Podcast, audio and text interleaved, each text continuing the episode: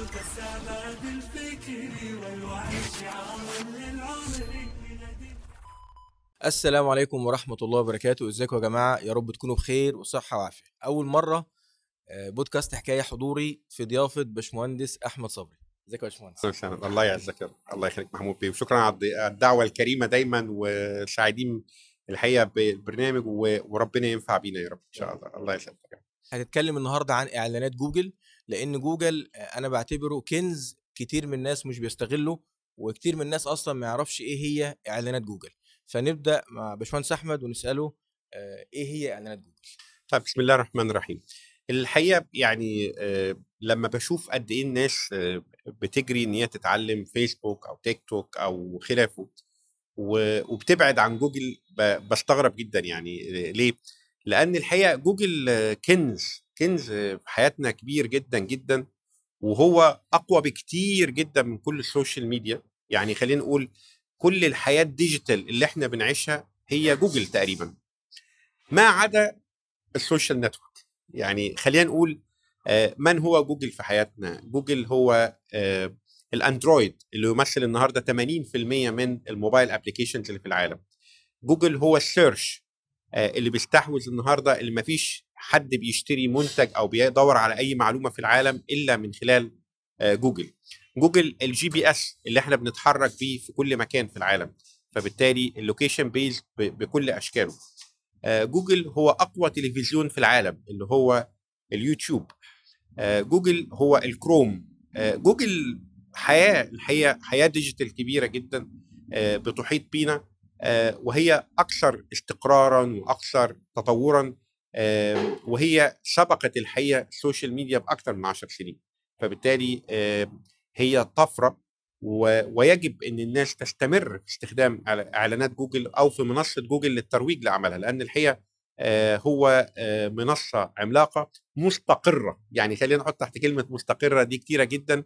آه، ربحيتها واضحة. آه، آه، كل ال algorithms وكل آه، الإدارة بتاعتها واضحة ومعلنة فهي الحقيقة آه، أحد العناصر المهمة جدا في حياتنا التي يجب آه، يعني نعتمد عليها في تسويق سواء ايا كان المجال اللي بشتغل فيه الحقيقة. جميل جدا. طيب باشمهندس أحمد في معلومة بتقول إن 80% من أرباح إعلانات من أرباح جوجل قايمة على إعلانات جوجل وعلى كل دولار الواحد بيصرفه بيحقق 8 دولار مبيعات. ومن هذا المنطلق عايزين نعرف من حضرتك إيه هي مميزات إعلانات جوجل عن باقي المنصات زي الفيسبوك والإنستجرام والتيك توك وسناب شات وغيره طيب. الحقيقة طبعا هو جوجل آه، جوجل أو فيسبوك أو أي منصة هو اعتمادهم الكبير الرئيسي جدا على الإعلانات عشان ده الدخل الكبير بتاعهم وقد تزيد عن 80% كمان من من أرباحه اللي هي يعني خلينا نقول إن جوجل وفيسبوك أرباحهم تعدت ال 300 مليار دولار 300 مليار دولار- ده رقم آه، رهيب. يعني رقم ضخم يعني 100 شركة فودافون مصر يعني لما كانت معروضة للبيع ب 3 مليار دولار ده كل سنة. فطبعا أرقام أرباحهم ضخمة جدا. آه على الجانب الثاني خلينا نقول آه، إن كل دولار يتصرف في الإعلانات يجي 8 دولار ده يعني ليه تحفظ عليه شوية. آه لأن القاعدة العامة آه، في في الحتة دي يعني وه- وهروح بعد كده أتكلم على جوجل ومنصاته وخلافه. إن كل جنيه بيتصرف أو كل دولار بيتصرف في الإعلانات يجب إن هو يعود ب 20 دولار وليس 8 يعني كل دولار يتصرف في الإعلانات أو كل أي أي ميزانية بتتصرف في الإعلانات يجب أن تعود ب 20 ضعف. ده ده ده ده الرقم ال- المعتمد. آه على الجانب الثاني إيه جوجل إعلاناته إيه؟ أو إيه أهميته بالنسبة لنا في الإعلانات؟ آه حابب الحقيقة إن إحنا لما نيجي نبص لجوجل ما نبصلوش إن حتة واحدة على بعض. لأ جوجل ده شوية حاجات في بعض. يعني جوجل ده قد قد فيسبوك على تيك توك على تويتر يعني نلم خمس ست شركات كده إعلانات ونحطهم على بعض ده بالنسبة لنا جوجل. مش معنى كده يعني التحيز الحقيقة أنا أنا بحب جوجل جدا الحقيقة أو بحب هذه المنصة والرقي في أعمالها. أول حاجة بالنسبة لنا إن إحنا لازم نقول إن إحنا في مبدأ كبير جدا في العالم اسمه ال search marketing search marketing وده طبعا بدون ما نفكر كده جوجل ال king بتاع الحتة دي. يعني إيه search marketing يعني آه إن أي بني آدم آه، إحنا دايما بنقسم ال- ال- ال marketing أو الديجيتال ماركتينج لبوش وبول تكنيك البوش إن أنا بعمل إعلانات لناس هي بفترض إن هم عاوزين المنتج بتاعي. ال pull technique إن في أنا إعلاني مش هيظهر لشخص غير وهو بيسأل عليا. وده الحقيقة المتمثل في ال search marketing أنا ال search marketing كل فكرته إن في شخص محتاج المنتج بتاعي أو محت- محتاج الخدمة بتاعتي ولما هيسأل عليا لما هيخش ويبتدي يقول أنا عاوز العربية دي أنا عاوز الخدمة دي أنا عاوز ال service ديت أنا هظهر له ال search marketing هو أعلى conversion في ال digital كله. يعني أعلى تحول من إن ناس بتشوف لناس بتشتري هو ال search market يعني يصل إن هو بنوصل ل 25% 25% من الناس المهتمة بتشتري. ليه؟ لأن ده شخص عنده ال need عنده الاحتياج عنده سرعة التنفيذ لأنه بنسميها ال urgency عنده كمان ال capability إن هو ياخد قرار. فده فال search فأول حاجة الحقيقة يتميز بيها جوجل عن أي حاجة في الدنيا ومفيش له منافس ولا شكل في العالم هو ال search market ال search market بشقيه بقى يعني كل الأشكال الموجودة. طب هل له منافس في الحتة دي؟ هل مثلا فيسبوك search هل تيك توك search هل يوت... ايا كان search قدر إن هو يوصل إن هو يأثر في قرار الناس وهي بتشتري الإجابة؟ لأ.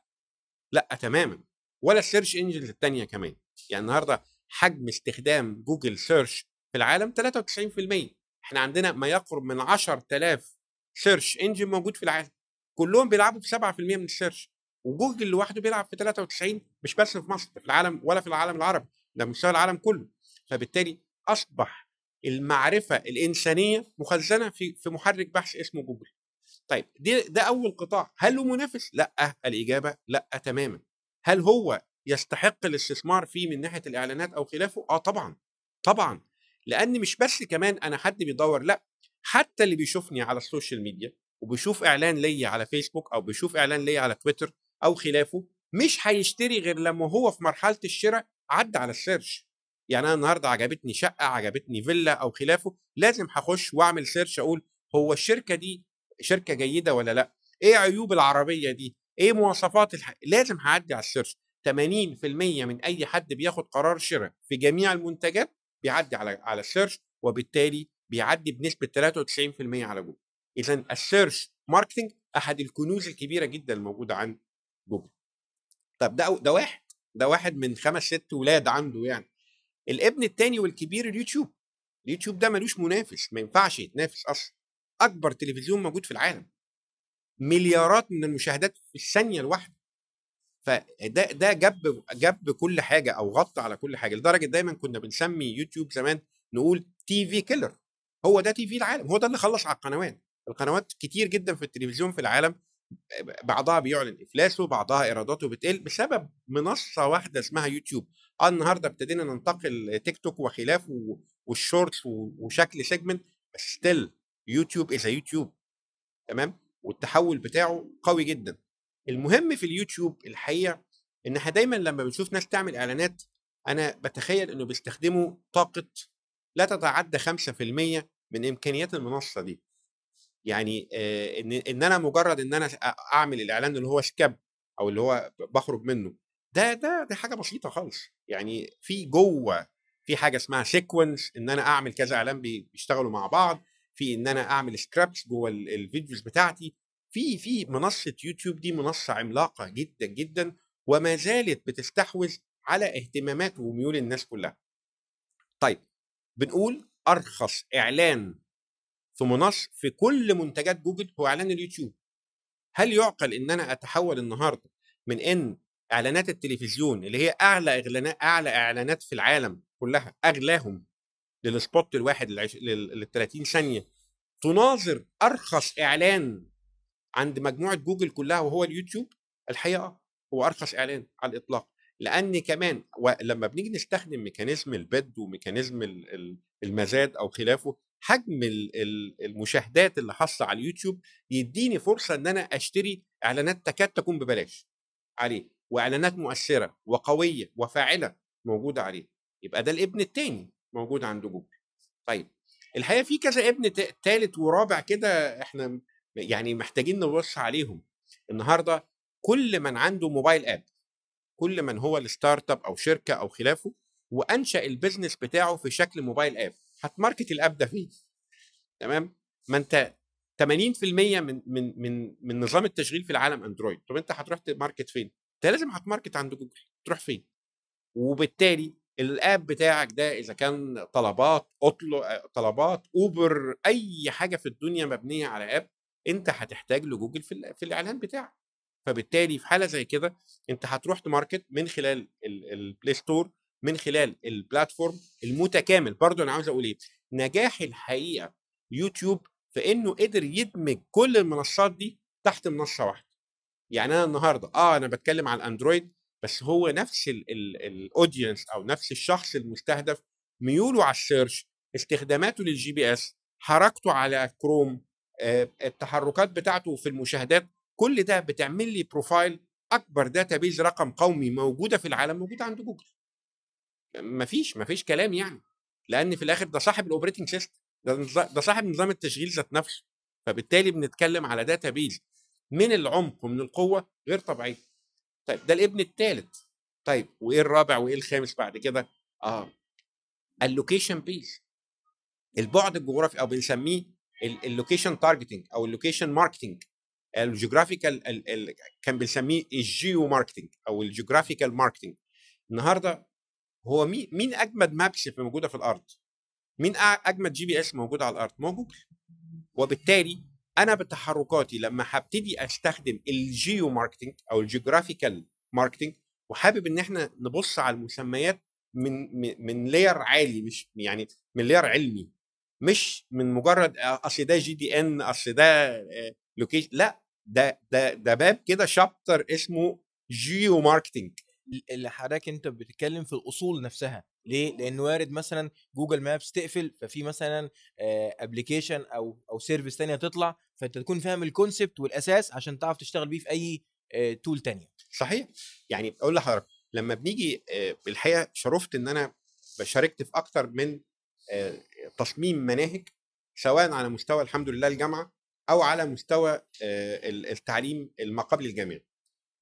وكانت التحدي اللي بنشوفه دايما هو آه، آه، الجامعة لما بتيجي تعلم بتعلم العلوم.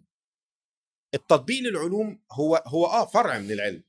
فهل هينفع نعمل مادة اسمها جوجل مثلا marketing الناس تدرسها بكالوريوس الإجابة لأ مش هينفع لأن ال product ده لو قفل الصبح الناس دي مش هنغير المادة. أكيد. فبالتالي آه، ابتدينا نفكر في تصميم المواد والحاجة إن إحنا لازم نرجع للعلم اللي ورا لل- للحاجة إن هو ال ال لما آجي أتكلم أتكلم إن في حاجة اسمها geographical marketing في حاجة اسمها search marketing النهارده يطلع جوجل يطلع بكرة تشات جي بي تي يطلع بكرة زيد عبيد.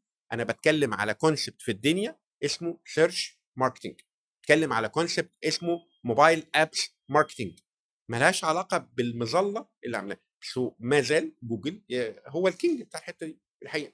هل هيجي حاجة جديدة؟ ده ده حقيقه هن discuss النهارده فيه برضو إن شاء الله. طيب آه لما نيجي نتكلم بعد كده على الكروم طب قلنا الموبايل ال- ال GPS وال maps وهو في جيبك وعارف أنت بيتك فين وشغلك فين وبتروح كل يوم فين وما شاء الله يعني إيه إحنا معانا الجاسوس في جيبنا جوجل جاسوس برضو يعني مش مشكلة بس الجاسوس في جيبنا عارف إحنا بنعمل إيه؟ عارف بنتحرك إزاي ده بيت آه، والدي وده بيت والدتي وده أنا أحيانا بصيف في الح... ما أنت في جاسوس في جيبك معاك مطرح ما تروح والراجل ملك ال GPS ف... فبالتالي استخدام ال location marketing مهم مهم جدا. وإن كان نادرا نادرا لما بشوف الحقيقة campaigns معمولة في مصر location marketing أو أو geo marketing زي ما هنقول يجي بعد كده في كنز عنده كده صغنن اسمه كروم كده والفكرة إن الكروم مخفي شوية. الكروم النهارده بيستحوذ على 70% من ال browser بتاعت العالم. طيب هو النهارده الناس اللي اللي بتفتح فيسبوك مثلا من خلال ال browser اللي بتخش على تيك توك اللي بتتفرج على websites اللي بتزور أي حاجة هي معدية منين؟ من جوه الكروم على فكرة. فالكروم عنده تسجيل لسلوكنا وال passwords بتاعتنا المتسجلة عليه وال history بتاعنا اللي معمول عليه الكروم ده كنز تاني. عشان كده حتى لما جينا نشوف في تطويرات ال ad manager الخاص أو ال campaign manager في في في جوجل لقينا إن بدأوا يستهدفوا بالناس اللي بتزور websites بعينها.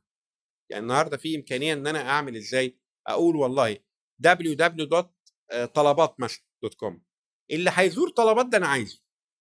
طب أنت كده ما أنت كده بتاخد يعني هنا بقى بقى في interest في behaviors أهوت موجودة. فالحقيقة الكروم ده الصغنن اللي محدش واخد باله ده ركن أساسي في تسجيل سلوك الناس وميولها وال behaviors بتاعتها عند جوجل. وبرضو الحقيقة بيأثر كتير جدا جدا فيما يتعلق بالمنظومة الاستهداف الموجود الحقيقة. فلا هو جوجل ده الناس الحقيقة يعني مصغرة يعني مش وعندي إضافة يا إيه. باشمهندس لو تسمح. برضو من المميزات الجميلة اللي في جوجل إن المنافسة فيه ضعيفة. آه، دايما إعلانات ال social media تلاقي كل مثلا ثلاث شهور ست شهور تلاقي الإعلانات دايما بتغلى المنافسة بتكون أشد. إنما جوجل عشان العين مش عليها وناس كتيرة مش عارفاها بتلاقي فيه استقرار في النتائج. آه، ده أنا لاحظته آه، بالشغل كتير على جوجل. الملاحظة الثانية لما بيكون مثلا عندنا مشكلة في campaign أو مشكلة في حملة من الحملات بيسهل التواصل مع جوجل بالتليفون. ليهم كده رقم أرضي مختصر بتصل بيهم والله يا جماعة الحملة ديت مثلا مش قادره تشتغل أو الحملة دي مثلا نتائجها ضعيفة فلاقيهم فلا فصراحة بلاقي منهم تفاعل وبلاقي منهم تجاوب عن مثلا بقية المنصات التانية التواصل بيكون بس إيه ممكن بالإيميل آه وهكذا. فدول نقطتين طبعا كنت حابب أنا أضيفهم طبعا. لا هم الحقيقة فكرة برضو الدعم الأرضي إن هو من خلال التليفون أنت بتطلب رقم free تماما ويرد عليك الناس في أيرلندا بالع- بالعربي ويقدروا يعملوا لك support لحظي في نفس اللحظة ويخش معاك على ال campaign ويعمل إعادة targeting وإعادة استهداف ويجي لك تاني يوم يعمل. لا لأن هم فاهمين يعني إيه customer support الحقيقة. إحنا إحنا بنقابل في ال social media الحقيقة كوارث آه، صفحات عليها مئات الألوف بتختفي في يوم وليلة وإن حد يرد عليك ما حدش بيرد. يعني بتلاقي الدنيا آه، لأ ال support الحقيقة على ال social media مش مش كويس خالص. مش متناسب على حجم الاستثمارات اللي بتدفع في القطاع ده. جوجل لأ في support على الأقل في في استقرار عندهم. أنت كل يوم طالع في ال social media policy جديدة بشكل جديد بتشقلب الدنيا كلها.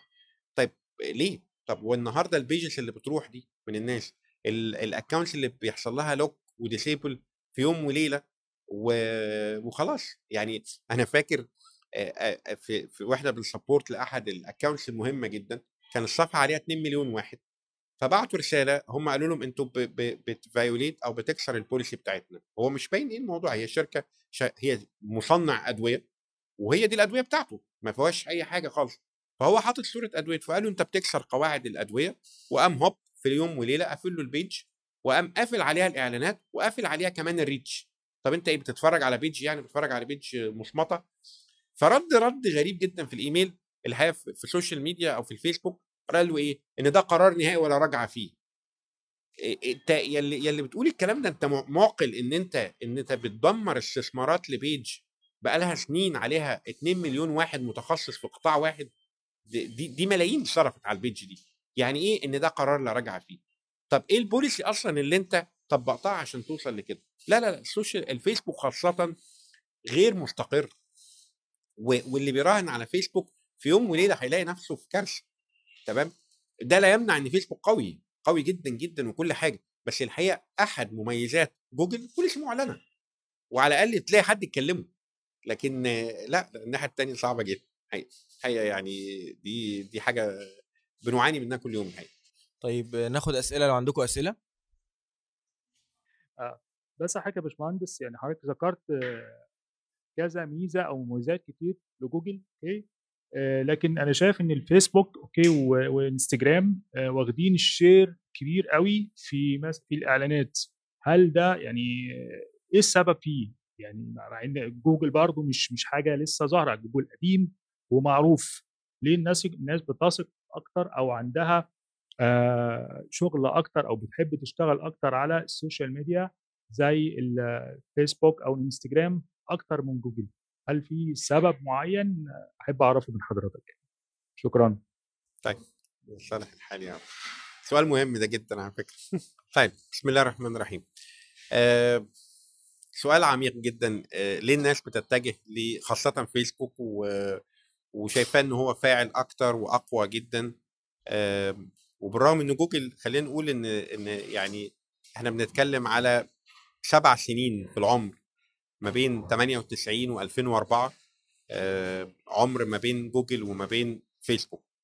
آه الحقيقة إن فيسبوك اللي اللي ابتدينا أغلب اللي شغالين في المجال مدركينه تماما. إن ال target اللي الناس بتكتبه على فيسبوك ملوش علاقة خالص بكفاءة ال campaign يعني إحنا بنشوف بعض ال campaigns محطوط فيها target مستحيل يطلع نتائج. ولكن بنفاجأ بعد فترة إن فيسبوك من جوه ظبط ال target وطلع نتائج رائعة من ال campaign اللي هي لا تصلح إن هي تطلع أي نتائج فبدأ يبقى عندنا شبه كده يقين إن فيسبوك بيدينا الشكل الإعلان كشكل وهمي فقط إن إحنا نبتدي نكتب ال target عليه. أما في الواقع هو بيحللنا كويس جدا ويقدر من التحليل ده يقدر يجيب لنا نتائج مبهرة.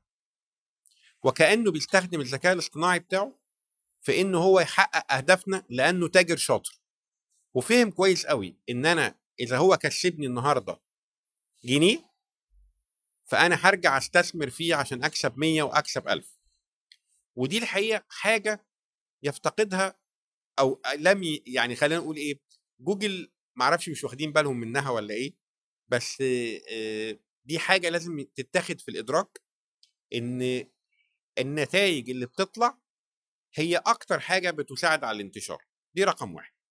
رقم اتنين إن الحقيقة آه، المنصة الخاصة بفيسبوك سهلة في في, ال- في الاستهداف كتير عن منصة جوجل. يعني جوجل solid قوي يعني أو أو ما فيهاش ال ال الشكل الجمالي الموجود في فيسبوك فبالتالي ده بيفقد الحقيقة سهولة شوية بيقلل السهولة في الاستهداف. آه، الحقيقة ده بالنسبة لميتا على الجانب الثاني إحنا بنلاقي قدر كبير جدا النهارده من يعني من مستخدمي الإعلانات على ال social media هي شركات متوسطة وصغيرة و startups وبالتالي هو بيبقى عنده ميزانية محدودة فعاوز يحطها في أسهل قناة بالنسبة له. أسهل قناة بالنسبة له هو اللي بيستخدمها كل يوم وشايفها ببساطة جدا ويمكن أكبر جزء من الميزانيات اللي بتصرف على ال social networks عموما تيك توك وسناب شات أو خلافه هي لما بيجيب لي يقول لي إيه لو دفعت نفترض 50 جنيه إحنا هنوصلك ل 5000 اللي هي ال boosting دي فالحقيقة ديت الناس كتير بتستخدمها أكتر من الشكل المنظم في الإعلان. فكل دي عناصر الحقيقة دي شطارة من ال social networks وهدوء وعدم نمو قوي من جوجل تسبب في الموازين اللي حصل يمكن في مجال التدريب إحنا شايفينها قوي. يعني إحنا دلوقتي بنشوف إنه من كل خمسة عاوزين يتعلموا ال social network advertising أو media buying واحد فقط اللي عايز يتعلم جوجل. ودي الحقيقة بنستغرب يعني ده جوجل ده العملاق ال- القوي اللي نتائجه منظمة ولكن الحقيقة ده. ولكن اللي, اللي بيقدر يشتغل على جوجل كويس عارف كويس جدا جدا إنه أرخص أقوى أكثر استقرارا أكثر فاعلية. تمام؟ أكتر من ال social networks عموما بطفراتها الموجوده فده الحقيقة ده ده يعني من وجهة نظري اللي شايف الاختلاف اللي ما بين الاثنين الكبير أو سبب نمو المتزايد لحرص الناس على الإعلان على ال social net بينما ما زالت الأرقام كلها لصالح جوجل. يعني ما زال أكبر آه، حصة من الصرف أو ال- ال- اللي بنسميه ال ad spending الصرف الموجود على الإعلانات في العالم يستحوذ عليه جوجل بدون منافس طبعا. طيب هندسة هل جوجل مناسب لكل المجالات؟ بسم الله. ال- الإجابة آه جوجل مناسب لكل حاجة لأن جوجل مش حاجة واحدة. جوجل حاجات كتير قوي لما كنا بنتكلم فبالتالي في ناس هينفع معاهم اليوتيوب في ناس هينفع معاهم ال search في ناس هينفع آه، معاهم ال website marketing اللي هو ال GDN أو خلافه. فالحقيقة ال- المنظومة كاملة من المنتجات المختلفة اللي تحت جوجل أدعي إن هي تناسب كل المجالات بس مش كل مش كل channel من دول تناسب كل حاجة. يعني مش كل المجالات هتنفع تستخدم يوتيوب مش كل المجالات هتنفع تستخدم ال search ولكن لو بصينا على جوجل كمنظومة عامة على بعض آه هو يناسب أي مجال طبعا طبعا وبقوة وفاعل كمان. تمام. طب أساسيات الإعلان على جوجل إيه؟ أساسيات الاعلان على جوجل هي الأساسيات ال- المطلقة اللي الناس كلها تعرفت عليها. ودايما بتتلخص في جملة بسيطة جدا إن الإعلان أو زي ما بيقولوا إيه آه، خلاصة الإعلان كله آه، احاولها بالإنجليزي واترجمها send the right message to the right person over the right channel on the right time. فهم أربع أركان يعني رسال الرسالة الصحيحة للشخص المستهدف الصحيح على القناة المناسبة له في التوقيت المناسب لأخذ قرار الشراء. الأربع أركان دول هم أساس أي منصة إعلام في التاريخ مش بس لا جوجل ولا سناب شات ولا تيك توك ولا أي حاجة. أي منظومة إعلانية في العالم هي الأربع أركان دول. الرسالة العميل المستهدف اختلاف القنوات وأماكن الإعلان توقيت الإعلان وبدايته ونهايته. تمام؟ يزيد عليهم الميزانية. بس فقط. الخمس الخمسة دول بس هم دول أصلا أربع أركان دول اللي بيأثروا في أي منظومة اعلان وبالتالي إذا كنا يمكن امبارح كنت بعلم ولادي حاجة في, في البيزنس وبنحكي آه إن أنت عشان توصل لمنتج نهائي ممتاز أنت محتاج إن إن كل حاجة صغيرة جوه المنتج ده تكون ممتازة. يعني كنا بندي مثال آه، على فريق الكورة يعني. إذا حبيت إن أنا يكون عندي أحسن فريق كورة في العالم فأنا محتاج يكون عندي أحسن 11 لعيب في العالم. بسيط خالص. ميسي و11 بقى يعني تعرف و10 بعد كده. فبالتالي كذلك الإعلان. الإعلان هو مجموعة أجزاء متكاملة لخصناهم في أربع أجزاء رئيسيين. الرسالة الإعلامية الجيدة. جميل. الرسالة الإعلامية الجيدة. آه. اسمح لي أقف عندها آه طبعا طبعا. آه، باختصار كده إزاي أعمل رسالة إعلامية جيدة؟ ده- في كتب بتتكتب في الموضوع ده في ناس بتعمل دكتوراه في الحتة دي. كلية إعلام كلها على الرسالة الإعلامية. معلش يعني باختصار أو نموذج أو يعني- مدرسة يعني حاجة بسيطة نسهل على الناس. ده ليه يا باشمهندس؟ لأن أنا شايف العناصر التانية مفهومة وواضحة. إن أنا الوقت المناسب إن أنا بعمل إعلان في وقت مناسب. أنا مثلا عارف إن رمضان إن الشغل واقع فيه. فأكيد مش من الحكمة إن أنا أعمل إعلان في رمضان في المجال بتاعي. مثلا العميل المستهدف أنا عارف إن الأمهات هم العملاء بتوع المستهدفين. فأنا شايف المشكلة الكبيرة دلوقتي عندنا في الإعلانات الممولة تكاد تكون هي الرسالة المناسبة. هي على قد إن هي حاجة كبيرة قوي بس هي حاجة ممكن تتلخص في كلمتين. أنا عارف إن الحل عندك إن شاء الله لا لا عند ربنا طبعاً. الله يسعدك يا أنا رب بيعجبني ما. شاء الله. أمثلة حضرتك الله الجميلة. تسويق إلكتروني ما خف وزنه وغلى ثمنه. آه، يعني شوية حاجات. كده إيه بحاول أذاكرها وأحفظها يعني ما شاء الله يعني. الله يسعدكم يا رب هو رحمة الله عليه والدي رحمة الله يعني عليه كان بيحب الأمثال جدا وهو ابن بلد و فكان دايما يلخص كل شيء يعني حاجة كبيرة جدا تعبانين فيها في مثل صغير لأن ده حكمة أجيال الحقيقة زي كان في حد كده كان بيحكي حاجة طريفة على قصة سيدنا يوسف فبيقول إيه تهوا لقوه بس آه، دي القصة كلها. ربنا يسعدك. آه طيب هو هو الحقيقة أحسن marketing message في الدنيا بنسميها بالإنجليزي filling the need يعني إيه filling the need هو الناس بتشتري ليه؟ عشان عندها need اللي بيشتري بيت عنده need يشتري عربية عنده need اللي يشتري آيفون عنده need. بره إنه يعني ممكن يبقى في جانب كبير من ال need ده منظرة يعني بس يعني ده need موجود. حتى المنظرة need على فكرة ما دي موجود need أو want أو ايا كان شكلها يعني. فإذا قدرت إن أنا أرد على الاحتياج ده بحاجة تفل ذا نيد تحقق الرغبة من النيد دي وتحققه أنا كده هبقى أحسن ماركتير في الدنيا كلها. يعني إيه؟ يعني أنت في منطقة فيها قلق قلق والناس وحرامية لا قدر الله ولا حاجة فأنت بتبيع سلاح فالناس أو بيبان حديد فالناس ده النيد بتاعها. فشطرت إن أنا أبيع حديد لده آه، فبالتالي أنا دايما باخد مثل ال- البياع بتاع الأعلام اللي قبل ماتش الكورة ده وبعتبره ده من أحسن ال marketer اللي ممكن الواحد يقابلهم يعني. لأن الحقيقة وأنا رايح ماتش الأهلي بلاقيه شايل أعلام الأهلي.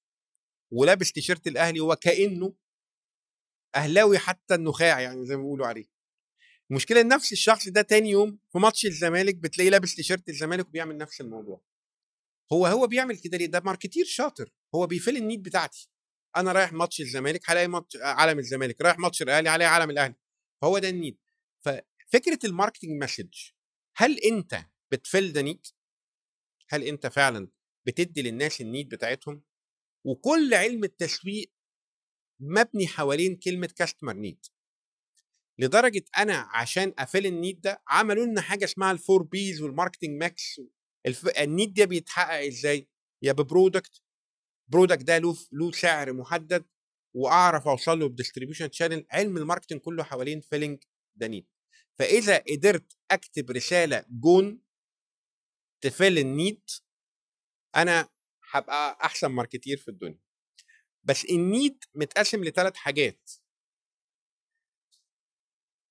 في need نفسي وده القلب بيكون هو ال channel اللي بنخبط عليه. وفي need logical أو عقلي وده المخ اللي إحنا بنخبط عليه. وفي need مالي ودي المحفظة اللي بنخبط فيها. بدليل إن أنت مثلا لما بنيجي نشوف الحاجات ال consumable زي السوبر ماركت أو خلافه تلاقيه مش هيقعد يبني بقى على النفسيات وال logic هو بيلعب معاك مع الفلوس على طول promotion و50% فأنت شغالين تمام فدي ال marketing message بتاعته. لما بنيجي نتكلم على آه، أنا عاوز أعيش في مكان كويس فبيلعب معاك على النفسيات. مدينة عالمية على أرض مصرية مش عارف إيه إيه تعالى أنت راجل عالمي بيلعب معاك على على النفسيات. لما أجي آه، أركب عربية كام CC بيلعب على ال logic فبالتالي علم ال marketing communication كله is about filling the need. إزاي أقول لك الكلمة اللي تكليك معاك تغير قرار الشراء بتاعك؟ هي دي النقطة كلها. طب أعملها إزاي؟ 80% من كتابة الرسالة الصح إن أنا أدرس عميل.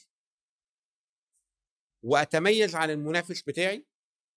وأحد الكيانات المهمة جدا من أكبر المدارس اللي شفتها بتعمل إعلانات جبارة في مصر لما بييجوا يعملوا الإعلانات بيبقى قاعد معاهم واحد دكتوراه في علم النفس. ويقول لهم الرسالة دي الإنسان هيستقبلها إزاي؟ ويقعدوا يغيروا في الرسالة لغاية ما يلاقي رسالة تخش ما تطلعش في نفس البني آدم. وبالتالي هي النقطة كده filling the need filling the need نلف بقى حوالين filling the need دي ما نحققش إن إحنا بحقق ال need بتاع الناس يبقى أنا عمري ما هبيع. يعني ما في ناس بتشتري عربيات عارفة إن لو عملت بيها حادثة هتموت بس هي بتشتريها عشان هي رخيصة. تمام؟ وفي ناس تانية بتشتري حاجة هي عارف إن هي ما تساويش الفلوس دي كلها بس هو ال lifestyle أجبره انه يركب يلبس الماركة دي ويعمل الحاجات دي كلها. فهي ال need عند الإنسان هي أكتر حاجة بتحركه. لدرجة أعظم علم النهارده بيأثر في العالم كله اسمه ال- الاقتصاد ال- اتفضل كمل. لا أنا معاك. الاقتصاد الاجتماعي ولا الاقتصاد السلوكي؟ السلوكي. آه، السلوكي. والاجتماعي. السلوكي طبعا الاقتصاد السلوكي. الاقتصاد السلوكي النهارده هو ده العلم اللي مجنن العالم كله. اقتصاد سلوك والسلوك ده جزء منه ال need والاحتياج بتاعنا. لدرجة إن أنا ممكن أقدم لحد منتج جيد للغاية بس أنا مش عارف أقدمه له. وبالتالي ما يشتروش لأنه رخيص مثلا. يعني هو مش هيشتريه عشان هو رخيص. آه، ده ميزه بديها له لأ ففي سلوك اجتماعي عشان كده الاقتصاد اقتصاد السلوك الاجتماعي ده أصبح اقتصاد آخر يعني من ثلاث سنين نوبل كلها راحت للحتة دي في اللي هو التحفيز وتحفيز الناس على أخذ القرارات. فطبعا الرسالة الإعلامية الجيدة آه، مبنية على دراسة الاحتياج الجيد وبالتالي أنا هكليك أخلص ال- ال- الرسالة كلها مع أي حد. جميل. نكمل بقى. نكمل. طيب آه الحقيقة يعني لما بنيجي نبص آه آه ميزة جوجل إن هو بيديني تنوع من الرسائل الإعلامية. يعني أنت عاوز تحط رسالة فيديو موجود عاوز تعمل رسالة صورة موجود عاوز تدي رسالة text موجود كل ال formats الحقيقة الموجودة داخل آه شكل الرسائل الإعلامية موجودة في جوجل. من الحاجات اللي لازم لما نيجي نتكلم على جوجل نربطها جامد جدا أجيال المستهلكين أجيال المستهلكين. إحنا بنقسم الأجيال بتاعت الناس لاكس وواي وزي إكس واي زي ودلوقتي عملوا الفا كده جديد. إيه ال X generation دول الناس اللي كانوا قبل مواليد 80 اللي هو النهارده الصغير فيهم عنده 40 سنة والكبير فوق يعني up to 60 وأكتر. ال X generation دول هم جوجل مبنية ليهم. جوجل مبنية للناس اللي من 40 ل 60 سنة النهارده. بالمناسبة دول اللي معاهم أكبر قدرة شرائية. هم دول ال investors ودول أصحاب المؤسسات ودول صانعي القرار الكبار والكلام ده كله. وبالتالي ودول الجيل اللي اتولد ومعاه ال websites في ايديه وبالتالي لما نيجي نشوف أنا عاوز أعمل إعلانات دول مازال بيح- بيدور على المعلومة على ال website. وعندي جيل تاني اللي هو ال Y generation أو ال millennium generation وده اللي الصغير 20 والكبير تقريبا 40 سنة. في الحدود يعني. وده جيل ال social media وده ال social media بتؤثر فيه. قناة ال- الحاجة الوحيدة اللي من جوجل بتأثر فيه حاجتين أو يعني عفوا حاجتين اليوتيوب والاندرويد دول فيه. عندي الجيل الثالث بقى اللي هو ال Z generation اللي هو النهارده تحت ال 20 سنة اللي اتولد من بعد عام 2000 ودول تقريبا جوجل ما بتخبطش معاهم في أي حاجة خالص. وده جيل التيك توك. اللي تيك توك درسه كويس جدا جدا جدا وقدر يتحدى العالم كله في إنه يخاطب الجيل ده. وده شيء خطير إن هم قدروا إن هو يعني أنت عارف زي الإعلان كله أنت ما حدش فاهمك إحنا اللي فاهمينك. هو نفس الإعلان بتاع ايجي بنك كده. هو عمل نفس الفكرة دي. طلع تيك توك بتخاطب الجيل ال Z generation اللي هو تحت ال 20 سنة. له ميول مستعجل ما عندوش فرصة يشوف أكتر من فيديو أكتر من دقيقتين دقيقتين يعني هو ما بيتفرجش أكتر من دقيقتين على أي معلومة في الدنيا فقدر إن هو يعمله. الحقيقة أدعي إن حتى آه، آه، فيسبوك تويتر الجيل ده مش واخد باله منه أو مش عارف يخاطبه خلينا نقول مش واخد باله مش عارف يخاطبه. تيك توك مستحوذ عليه بصدارة شديدة جدا. بس نرجع نقول إن لو أنا لو أنا عميلي في ال Y generation في ال X generation اللي هو فوق ال 40 سنة جوجل ثم جوجل. أنا إذا عميلي ما بين 20 و40 أنا هروح أكتر لل social network بكل أشكالها وهاخد من جوجل اليوتيوب والأندرويد. أما لو أنا ال- ال target اللي أنا بخاطبه تحت ال 20 سنة لأ مش مش هينفع معانا جوجل خالص أو أدعي كده يعني لأن ده مهم في ال setup بتاعنا جامد جدا يعني. طيب يا باشمهندس إزاي جوجل بيرتب المنافسين؟ ليه مثلا جوجل في الإعلان بيحط منافس رقم واحد بعدين منافس رقم اثنين بعدين منافس رقم ثلاثة أو بمعنى أصح ال Ad Rank في إعلانات جوجل؟ ال Ad Rank أغلب ال social media آه، هي مادية فقط. اللي هيدفع أكتر هو مزاد واللي هيدفع أكتر هيطلع في الأول. وبالمناسبة يعني أح- أحد الخدع اللي كلنا بن بنشوفها على كل ال social network في الإعلانات إن يقول لك cost per lead أنا بتدفع بال lead أنت بتدفع بال engagement ودي خدعة رهيبة جدا أنت بتدفع ثمن اللي بيتفرج يا رب ما عملش أي حاجة. هي cost per impression أو cost per مشاهدة تكلفة بالمشاهدة. مفيش عند ال social network كلها أي تسعير أو أي حساب غير موديل واحد بس إنك بتدفع بالمشاهدة. تمام. واللي بيدفع أكتر بيتحط الأول. دي مزاد علني مادي إلى أقصى درجة. تعال نشوف جوجل بقى بيفكر إزاي. جوجل مبدئيا بنسبة كبيرة أغلب تسعيره cost per click يعني لما أجي أشتغل search أو أشتغل على أي حاجة كل اللي بيطلع في ال search ده ببلاش. لما حد يعمل click عندك هتدفع فلوس وهو بيلتزم بالقاعدة دي. مش هتدفع غير للي يعمل click على النتائج. وده بصراحة بعتبره نجاح كبير. جدا. لأن العميل بيبقى مطمن أنا مش هدفع فلوسي إلا لما العميل يضغط على الإعلان أو الزبون بتاعي يضغط على الإعلان. لو ما ضغطش كده كده فلوسي في الأمان. صحيح صحيح. بالرغم إن ال social network حاولت تحاكي الموضوع ده لكن هم في الآخر ده كده. هم بيطلعوا لنا cost per click و cost per engagement cost per lead لكن واقعيا أنت تعرفها قبل ما يجي لك أول lead أو أول engagement تلاقي محسوب عليك فلوس. لما تخش بقى في ال rules يقول لك إحنا بنحاسبك بال impression بنحاسبك بالمشاهدة. فدي أول حاجة إنه بيحاسبني بال clicks على اليوتيوب أنا لو عملت cost per view أو بالمشاهدة أنا مش هدفع ولا مليم ولا هدفع يا رب مليار مشاهدة إلا لما حد يكمل لي عندي 30 ثانية فبالتالي دي أول موديل الحاجة الثانية إن هو لما بيجي يرتب الناس بيرتب أكبر جزء من الترتيب مش الفلوس ال quality score وده اللي بيحدد مين يطلع الأول أو ال ad rank ترتيب ال ads ال ranking بتاع ال ads وال quality score ده لوحده 10 درجات. فأنا النهارده لو واحد بيقول دولار والتاني بيقول دولار وده 10 من 10 وده 2 من 10 فده هيبقى 10 درجات وده درجة واحدة. يعني حتى ال ad score ده مدمر في ال bid يعني بيخش كده في المزاد. آه، جودة الإعلان تمثل 90% من تكلفتك. حتى لو أنا دافع أكتر. حتى لو دافع أكتر. يعني أنا النهارده لو حد الجودة بتاعته 10 من 10 وأنا الجوده بتاعتي واحد من 10 محتاج أدفع 10 أضعافه عشان أبقى زيه في النتائج 10 أضعاف. فهي بتمثل 90% ال quality score بتاع الإعلان بتمثل 90% من التكلفة. طب إيه هي عناصر ال quality score سهل قوي ال quality score أو أو ال- ال- الرقم اللي هو ال10 درجات ال- اللي بيدوهوني ده وبالتالي بيضربوا في السعر يحدد أنا هطلع رقم كام بيتكون من جزئين رئيسيين. جزء قبل ما الإعلان يطلع وجزء بعد ما الإعلان يشتغل.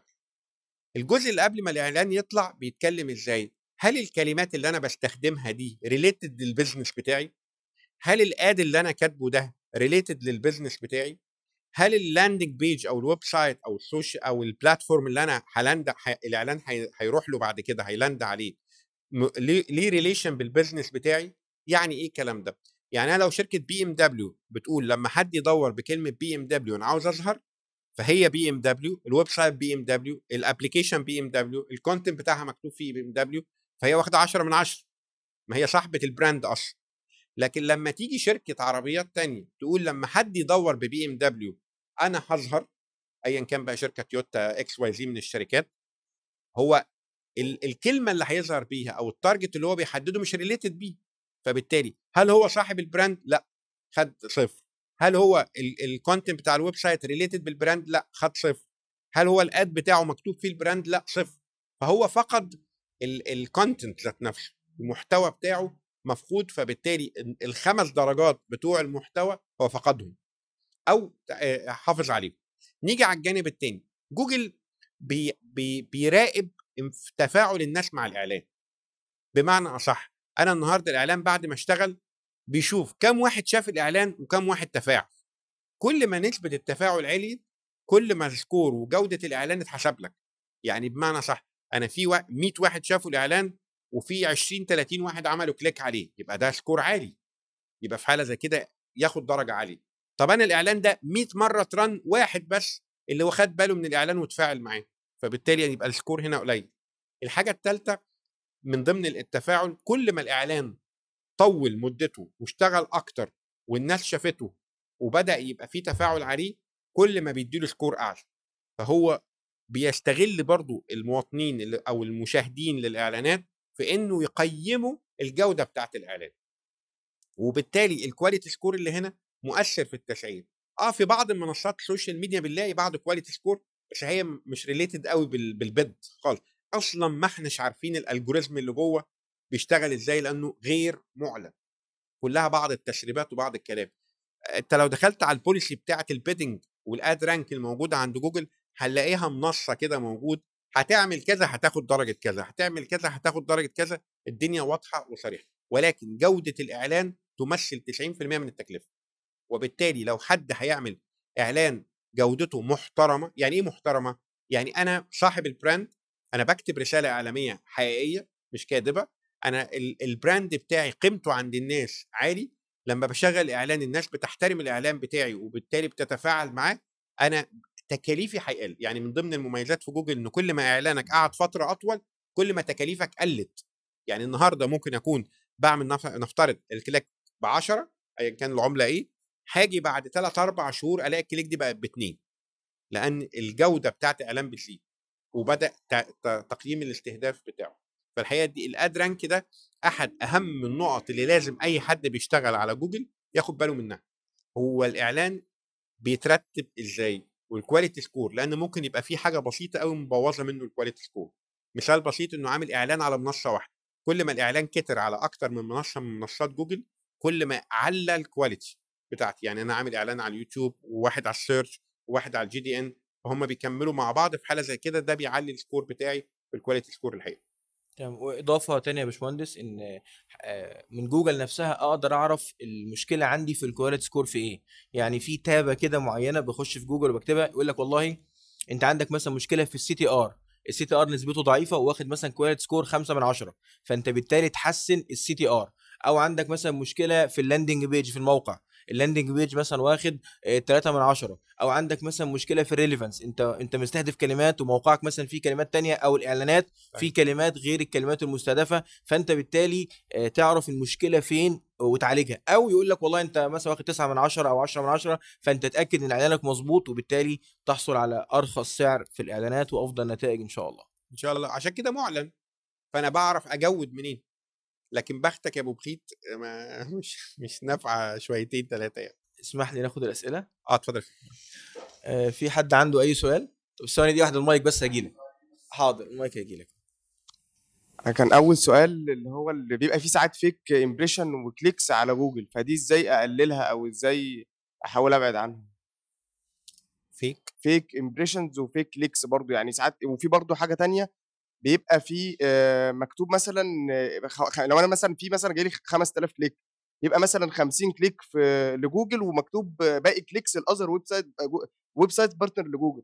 فأنا عايز أعرف إيه ال websites ال partner دول؟ مش يعني دورت قبل كده على جوجل برضو إيه ال website ال partner لجوجل؟ مش مش عارف مش ما ما, ما طلعليش حاجة. وفي كذا حد اتكلم في حوار إن بقى فيه fake كتير impressions و يعني ما يبقاش فيه برضه جزء من ال campaign يعني ال campaign جايبة impression و clicks كتير جدا بس على الواقع ال calls قليلة وال وال engagement قليلة برضه. أسأله السؤال بس. آه. أنت الصناعة اللي شغال فيها صناعة إيه؟ آه، جراحة آه، دكاترة يعني وجراحة سمنة واورام تمام. شغال في مصر هنا ولا في دولة تانية؟ في مصر. تمام. طيب. آه ال- الحقيقة خلينا نقول كلمة fake clicks آه وإن كان ليا تحفظ على المسمى يعني. ولكن آه هو لو في fake clicks ما حدش يعرف يجيبها مبدئيا يعني. يعني مش هنعرف نطلع click دي من النص كده. يعني مثلا على ال social network أنا شايف accounts فأنا شايف ال- ال fake فين وبقدر a click عليه وشايف إنه ده profile ما فيهوش حد. لكن خلينا أقول اختلاف أرقام ال clicks اللي موجود ما بين منصة جوجل وما بين اللي أنا مثلا عندي website وبستقبل عليه ال clicks مثال بسيط. وهنا في في اختلاف في الرقم. وبرضو على الجانب التاني إن بعض ال clicks الكتيرة جدا دي ما بتأثرش عندي في ال business بتاعي. هقارن الأول ما بين نقطتين. أنا عامل إعلان وقال لي إن أنت جالك 1000 click على جوجل search أو خلافه ودخلت عندي على ال website وفوجئت إن هم 800 ما أنا ال website برضو بيعد كام واحد جالي. طيب ال 200 اللي اختفوا في النص دول راحوا فين؟ الحقيقة خلينا نقول حاجتين. واحد إن في بعض الناس لما بيعمل click وقبل ما يظهر له ال website التاني بيعمل back أو بيقفل ال browser ودول مش قليلين على فكرة. دول بيتعدوا ال 10% رقم اتنين إن في بعض ال systems اللي بتعمل analytic لل websites ما بتعدش الشخص غير بعد خمس ست ثواني على ال website فهو ممكن يكون بص على ال website وقفل ومشي. ما كملش حتى إيه الخمس ست ثواني فما تعدش ك session اتفتحت على ال- ال website فاذا لكن هل هو ال clicks حصلت؟ حصلت. ولكن هي كان في انتقال ما بين منصة زي ال search أو ما بين اليوتيوب وما بين ال website اللي ظهر أو ال landing page اللي هيظهر وده عادة بيحصل فيه drop وأقول لحضراتكم حاجة لما كنا بنعمل إعلان traffic على فيسبوك مثلا هقارن الرقم بقى هنا. وبنعمل clicks مثلا 1000 click من ال... من فيسبوك ورايح على ال website أو من انستجرام على على ال website هو رايح traffic يعني بيروح على ال website بنفاجئ إن الفرق 50% ال1000 اللي معدودين على ال social network لما بنيجي نعدهم على ال website بنلاقيهم 500 بس. فاكتشفنا إن الناس بترفض تخرج بره ال social media أول ما بيلاقي website أو أي حاجة بتفتح بيقفلها. شوف المعدل قد إيه؟ 50% من الناس بترفض إن هي تروح على منصة تانية غير ال social network فهنا دي. لكن هي ال clicks حصلت بالفعل.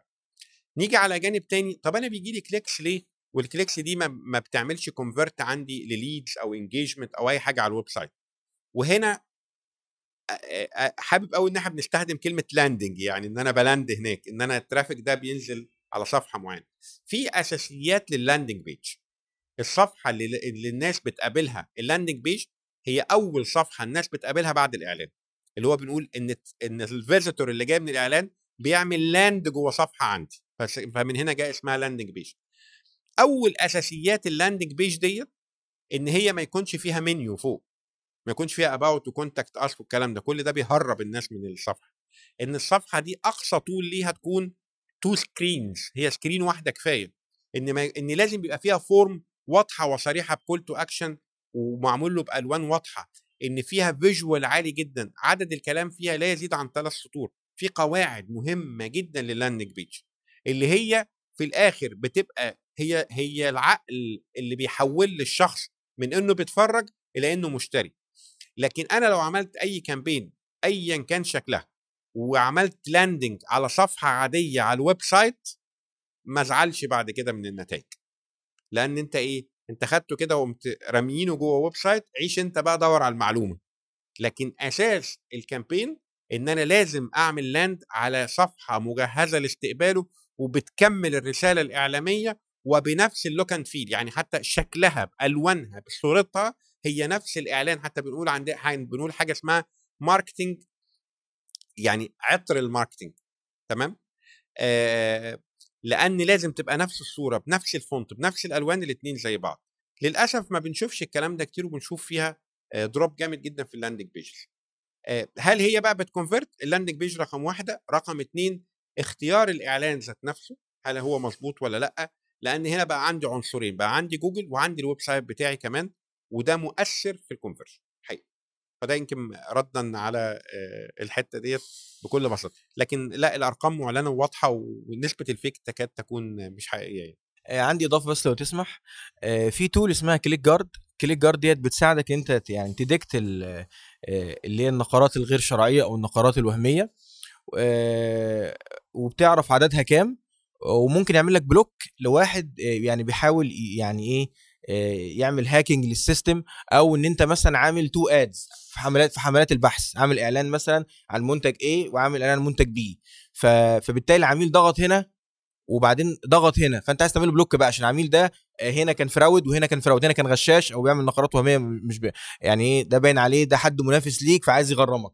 فال tool دي ميزتها ممكن تعمل لك block على ال IP هات اللي هي أدائها يعني إيه مخادع أو أدائها كذا بس برضه زي باشمهندس أحمد قال دي بتبقى حاجات نسب بسيطة جدا وال system بتاع جوجل أصلا نفسه بيحاول يعني في report كده أو في تقرير ممكن يقول لك والله أنت جالك مثلا في الشهر ده 100 نقرة أو 200 نقرة غير شرعيين وتم أصلا حذفهم من الميزانية لكن ال tool دي بيكون ليها إضافة كده بسيطة في حتة إنه يعمل block لواحد لو أنت عامل أكتر من إعلان فانت وأداؤه مريب أو أداؤه غير شرعي فهو بيعمل لك block في الجزئية دي يعني. في حد عنده سؤال تاني؟ تاني برضو يعني أغلب ال campaigns أو ال sponsor ads على ال social media مشكلتها بس هي بتوصل للناس المهتمة بس اللي مش معاها فلوس تشتري ال product ده أو فامتى أوصل للمهتم ويكون معاه فلوس برضه يعني بيوصل لناس كتير جدا مهتمة بس مش معاها فلوس إن هي تشتري.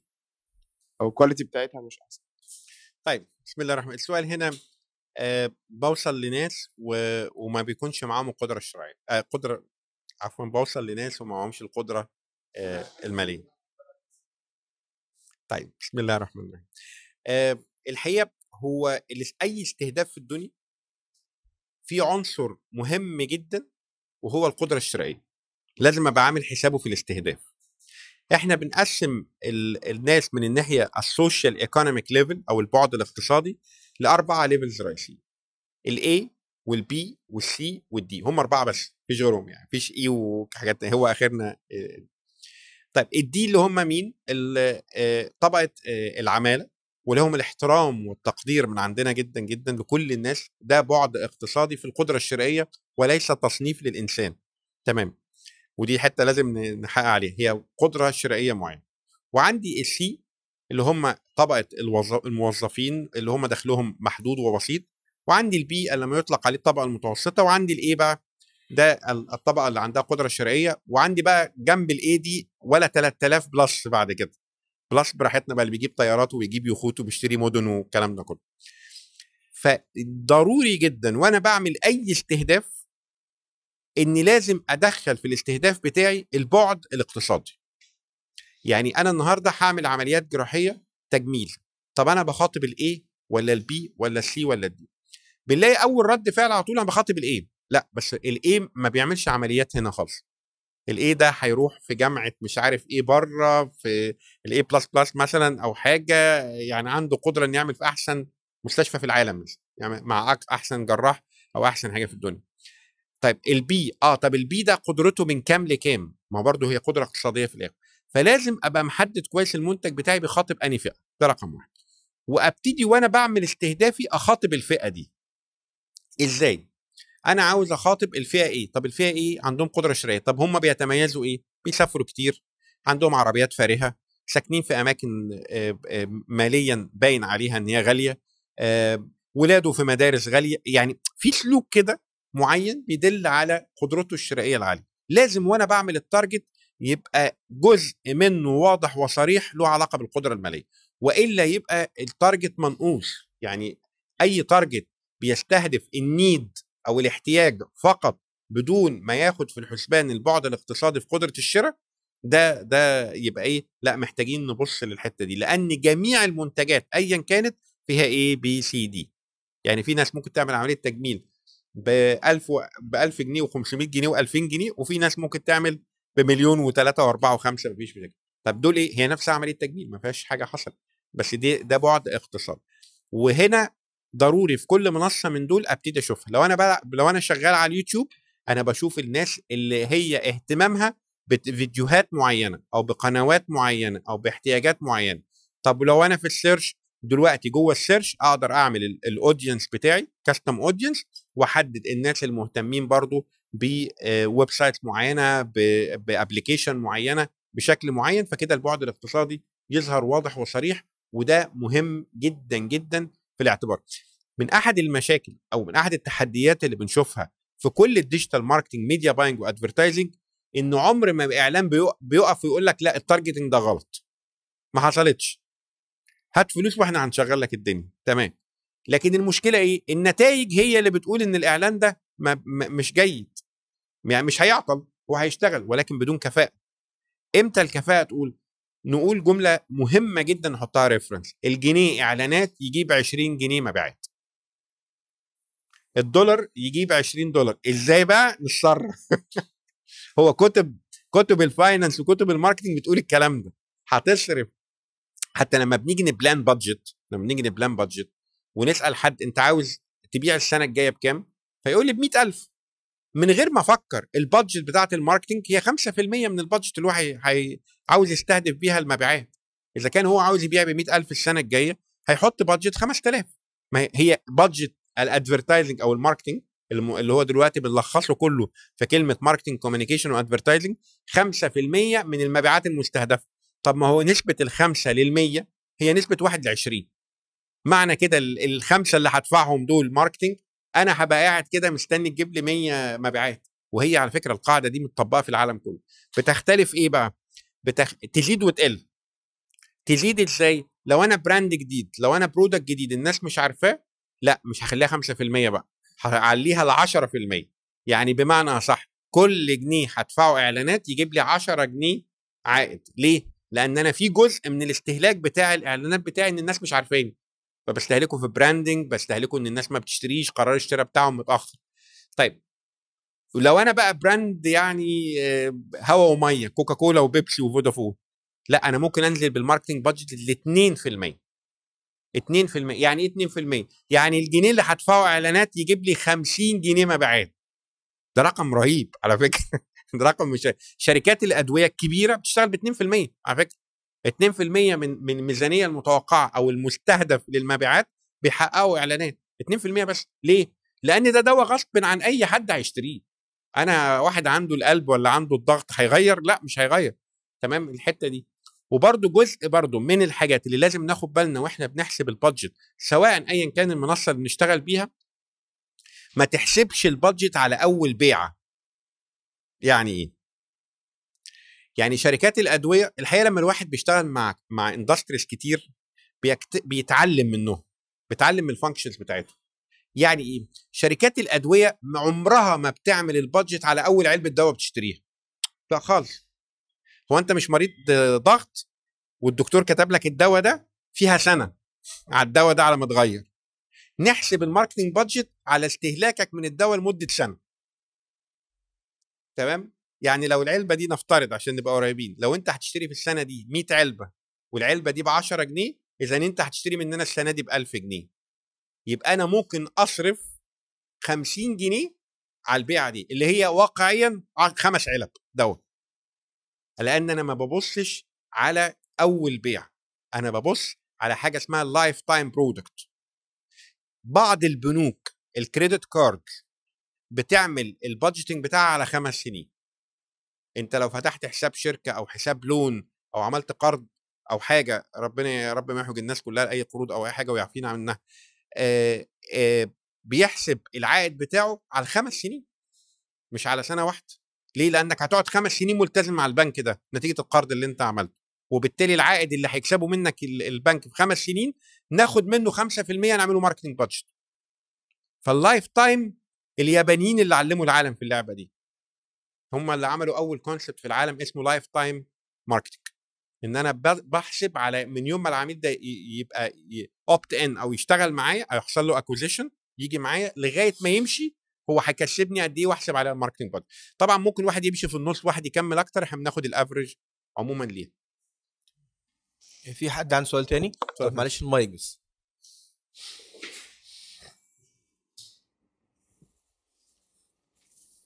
هو في سؤال بخصوص لما أجي بعمل إعلان على جوجل أو باجي أصمم ال- ال landing page بتاعتي أو ال website بتاعي هل لازم أذاكر ال keyword كويس أخليها related بالعلاقة بالنشاط بتاعي أو الصناعة بتاعتي أو المجال بتاعي؟ هل ده بيأثر إن الإعلان يكون آه، ظهر في محركات البح- البحث كويس أو في أول صفحة؟ يعني ال keyword في ال- يعني عشان يكون يعني السؤال بتاعي محدد. مهمه في إنشاء الإعلان وهم في التركيبة بتاعت الصفحة بتاعت على الشغل بتاعي؟ بص هو ما تقلقش هو ده سؤال جاي حلو ما ماشي. ناخده بقى السؤال الجاي تمام. الله يخليك في حد عنده سؤال تاني؟ ماشي آه اتفضل آه، اتفضل يا. حبيبي اتفضل لا لا حلو حلو لا معاك اتفضل.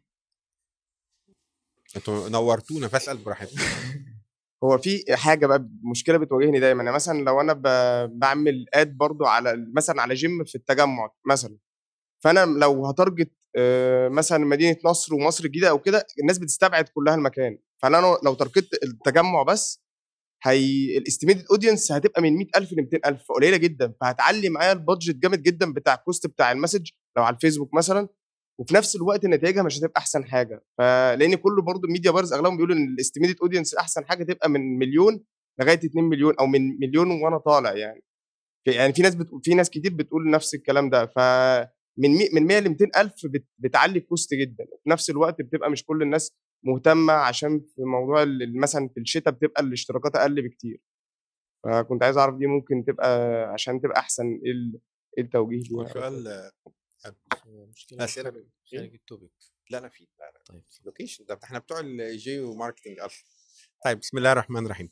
أه الحقيقة ردا على السؤال الخاص بال landing page وهي ليها علاقة كبيرة جدا بال quality score بتاعة الإعلان. الاثنين مرتبطين ببعض جدا جدا. يجب ال keyword اللي أنا هستخدمها في الإعلان تكون موجودة وواضحة وصريحة في ال landing page ما فيهاش كلام. يعني لازم المحتوى بتاع ال landing page والمحتوى بتاع الإعلان يكون ال keyword اللي هستهدفها واضحة وصريحة واضحة كده. ما فيهاش ما فيهاش كلام. بالعكس أنا لو جيت على ال landing page وقلت ال landing page فيها نفترض 10 كلمات لازم أكتر كلمة متكررة تكون هي نفس ال keyword اللي أنا بستهدفه. مش موجودة بس لأ ده هي أعلى weight في الصفحة. أعلى يعني أعلى تكرار موجود في الصفحة. عشان يبقى ال quality بتاعتي ما هو ال quality بتاعت ال score ال relevant دي موجودة فين؟ موجودة إن ال keyword موجودة في الإعلان وموجودة في ال landing page مش بس موجودة لأ ده هي أعلى weight في الاثنين يعني إيه أعلى weight؟ يعني هي أكتر كلمة متكررة أو أكتر كلمة رئيسية أو أول كلمة في ال paragraph بتاعك أو أو كلمة موجودة في عنوان الصفحة ذات نفسها. هنا أقدر أقول إن هي relevant طب ده هيأثر في الإعلان إزاي؟ أنا عاوز أقول إحنا قلنا ال quality score نصين. جزء relevant اللي هو إن له إن ال keyword دي ليها علاقة بال content بتاعك دي بتمثل نص ال quality score خمس درجات من أصل 10 على الحتة دي بس.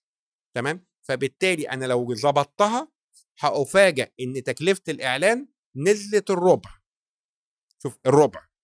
يعني إذا كنت أنا كنت بجيب ال clicks مثلا ب 4 جنيه وظبطت الحتة دي أنا ممكن أنزل ألاقيها بجنيه بجنيه ونص مش 2 جنيه حتى. لأن ال relevant خطير جدا. وال relevant ليه أنا اديته score عالي كده أو اديته حاجة؟ لأن ال relevant ده هيأثر في تفاعل الناس وبالتالي هيكون نتيجته كمان إن ال performance وال CTR اللي هيحصل من اعلان عادي. ليه؟ لأن الإعلان واضح وصريح. وبرضه هرجع أقول حاجة. ما نفرحش بعدد ال clicks اللي هي في الآخر إعلان وهمي أو إعلان مش هقول وهمي.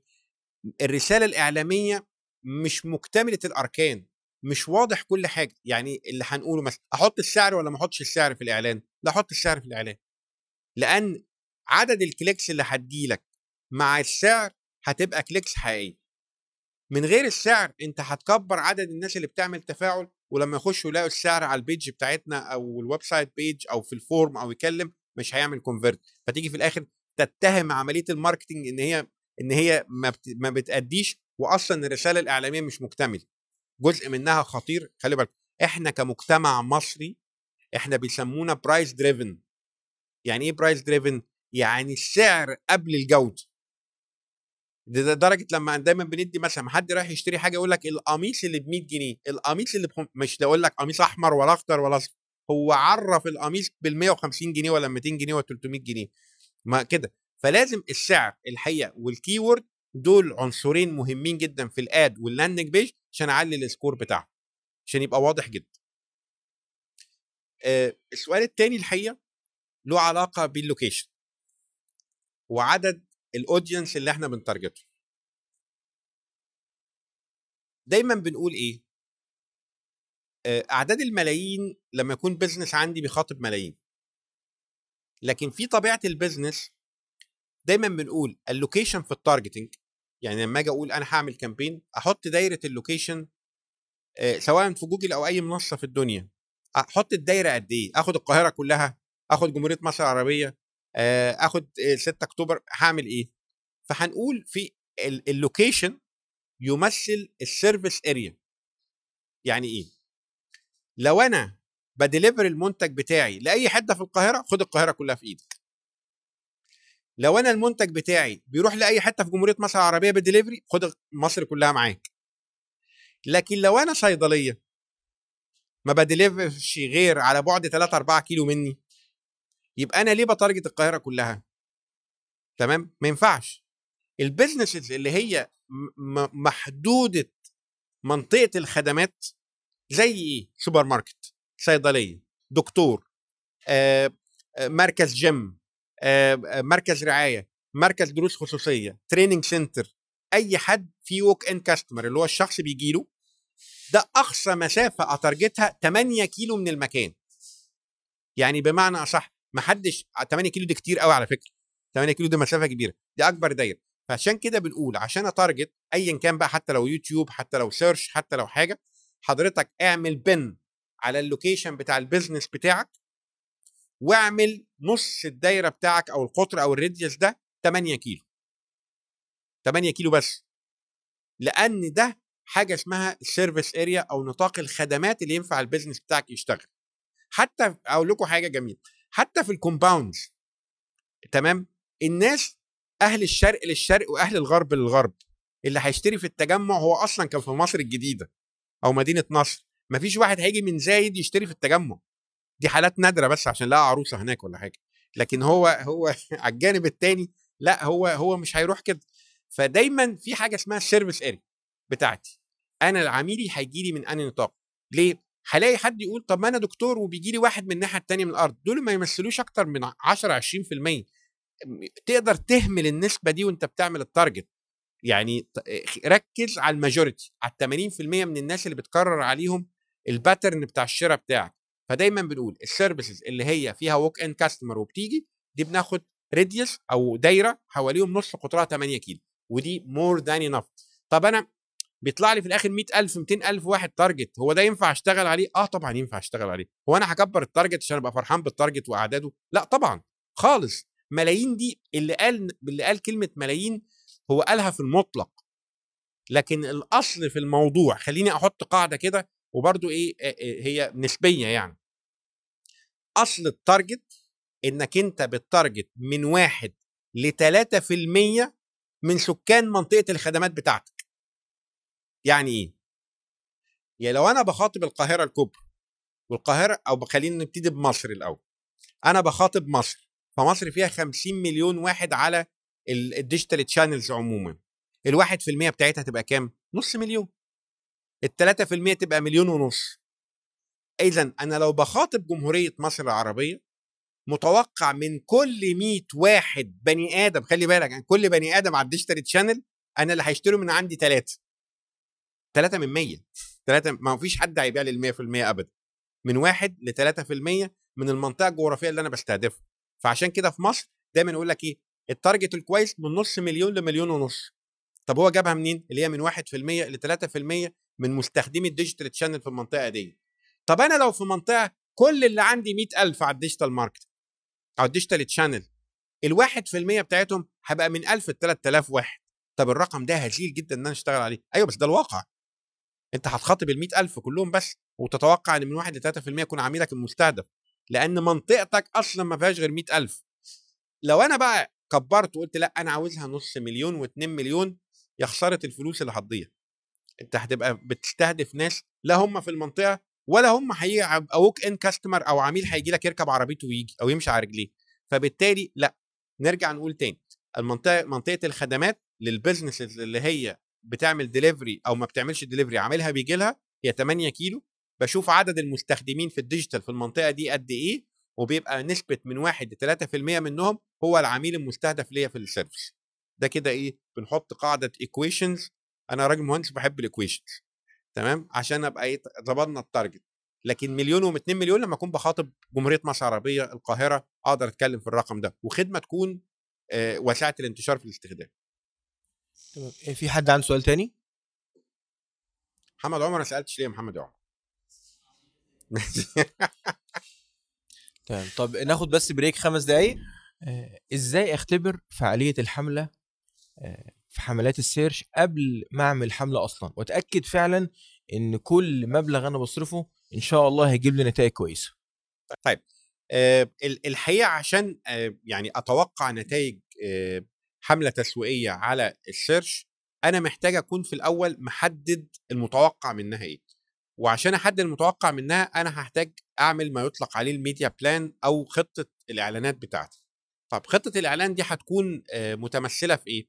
إن أنا الكلمات اللي أنا هبتدي أستهدفها من خلال ال tool الخاصة بجوجل keyword planner أو مخطط الكلمات في جوجل ببتدي أشوف المتوقع من عدد ال clicks من كل كلمة قد إيه. نفترض كلمة زي آيفون أنا عارف إن مثلا في 10000 click بيحصلوا عليها كلمة زي سامسونج أنا عارف إن في 5000 click موجودة عليها فببتدي أحط في الخريطة بتاعتي كل كلمة وعدد ال ال ال clicks المتوقع عليها وهنا بيبقى ده شكل ال media plan وبحط معاها برضو ال- التكلفة المتوسطة من خلال التاريخ اللي قبل كده. عارف إن ال click دي بجنيه ال click دي ب 2 جنيه ال click دي بدولار ال click دي ب 3 دولار فببتدي أحط الأسعار بتاعتي. ولما بشتغل ببتدي أحدد الكلمات حطيت الكلمات ببتدي أحدد كم الصرف اللي أنا هستخدمه أو الميزانية بناء على التسعير اللي محطوط. يعني مثال بسيط أنا لو عندي كلمة المتوسط بتاعها 1 دولار وأنا عاوز أوصل إنها ل 100 اذا أنا محتاج أصرف 100 دولار عشان الكلمة دي أستقبل منها 100 عميل. في كلمة تانية بنص دولار. آه طب أنا ليه أشتغل على على كلمة غالية بدولار إذا كان ليها بديل موجود عندي بنص دولار أو أو ب 200 س- آه، أو ب 20 سنت أو خلافه. من هنا بيبقى شكل التوقع بتاعي للنتائج واضح واستخدامي للميزانية اللي أنا هشتغل بيها واضح. غير لما آجي أو واحد خ... واخد 10 15 كلمة كده بختك يا أبو بخيت زي ما بيقولوا على بعض بالك كده وأقوم حاططهم في التارجت غالي في رخيص وأقعد في الآخر أستنى النتائج وفاجئ إن الكلمات الغالية هي اللي اشتغلت وإن ميزانيتي كلها مشيت وأنا ما, ما جاليش نتائج عشان كده في مثل ظريف لذيذ اللي بيقولوا إيه اللي يحسب الحسابات في الهنا بيبات صح؟ ده دايما يقولوا كده. فبالتالي أي اكشن في ال advertising من غير خطة صرف واضحة أو media plan أو خطة plan للإعلانات أنت هنا نتائجك قد تكون جيدة جدا وقد تكون غير جيدة أو حتى النجاح فيها مش هيبقى نجاح منتظم مبني على خطة. التخطيط مهم جدا في نجاح الإعلان وال expectation أو من ال- التوقعات اللي هتحصل لنا من عدد ال clicks اللي جاي وبرده كلمة السر في ال search كذا حاجة. أول حاجة إن أنا ادور على بدايل الكلمة الرخيصة. يعني كلمة معينة أكيد ليها بدايل بس ادور على البدايل اللي عليها search كتير برضو ويكون سعرها أقل والتنافس عليها أقل فبالتالي حسن استخدامي للموارد المالية بتاعتي هيعود عليا بعدد clicks أكتر وعدد ال clicks دي هيجي يجي منها عملاء إحنا حسبنا حسبة ظريفة جدا. قلنا إن الشخص اللي بيشتري بيكون من عشرة سألوا والعشرة اللي سألوا دول بيكونوا من مية زاروا الموقع. فبالتالي وبرضو دي حسابات الكتب تزيد وتقل. بمعنى أصح كل بيعة أنا عاوز أعملها أنا بر- برضو بتكلم على المنتجات الرخيصة مش المنتجات الغالية زي العقارات وخلافه. كل بيعة أنا عاوز أعملها محتاج 100 واحد على ال website. طب أنا عاوز أعمل 1000 بيعة. يبقى أنا محتاج 100 ألف زاير لل website هي كده equation الواحد المية اللي هيزوروا ال website متوقع 10 منهم يبدوا الاهتمام والعشرة اللي هيبدوا الاهتمام دول أو ال leads هنقدر ناخد منهم واحد بيشتري. المعادلة دي أو معادلة ال conversions اللي هي بتتغير ب 10% هي أساس في ال media plan طب أنا ما أقدرش أحقق الكلام ده بعمل 5% مثلا. يعني أنا إيه ال100 بيجيبوا لي خمسة بيسألوا والخمسة دول بيسالوا يبقى أنا محتاج 300 400 واحد عشان اشتري مش فرق حلو برضه.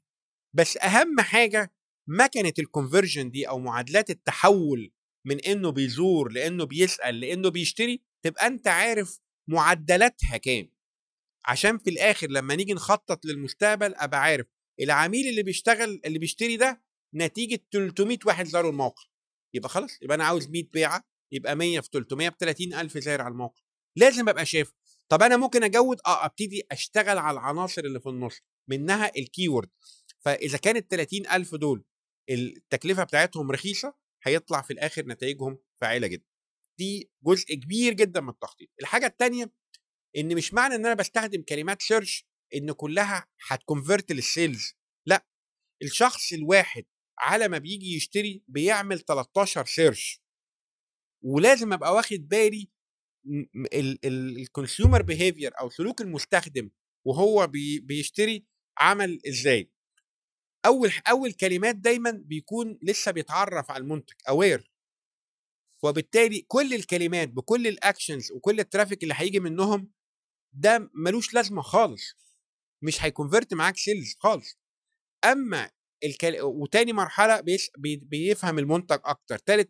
مرحلة بيسأل على مميزات والعيوب والناس حابة المنتج ولا لأ آخر حاجة بيسأل على أحسن offer دايما بنركز على الناس اللي بتسأل على أحسن offer ودايما في جملة شهيرة جدا ال intent أو النية.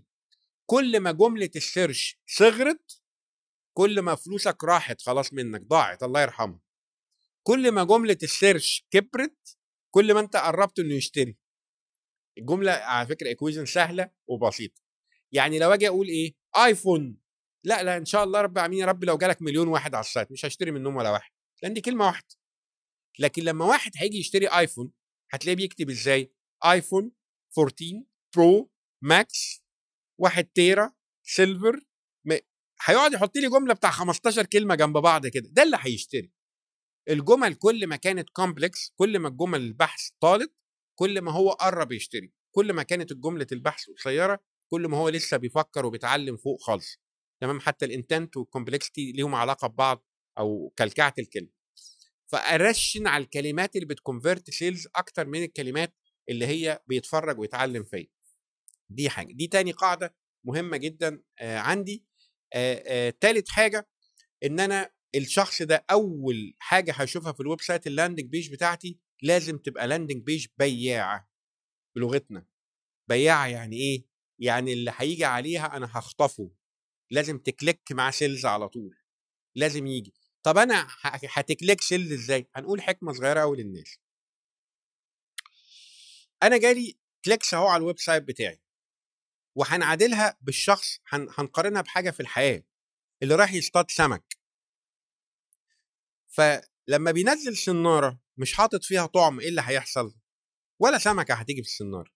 ومش طبيعي في ال hook بتاع الصيد ده إن حد هيمسك في السمك.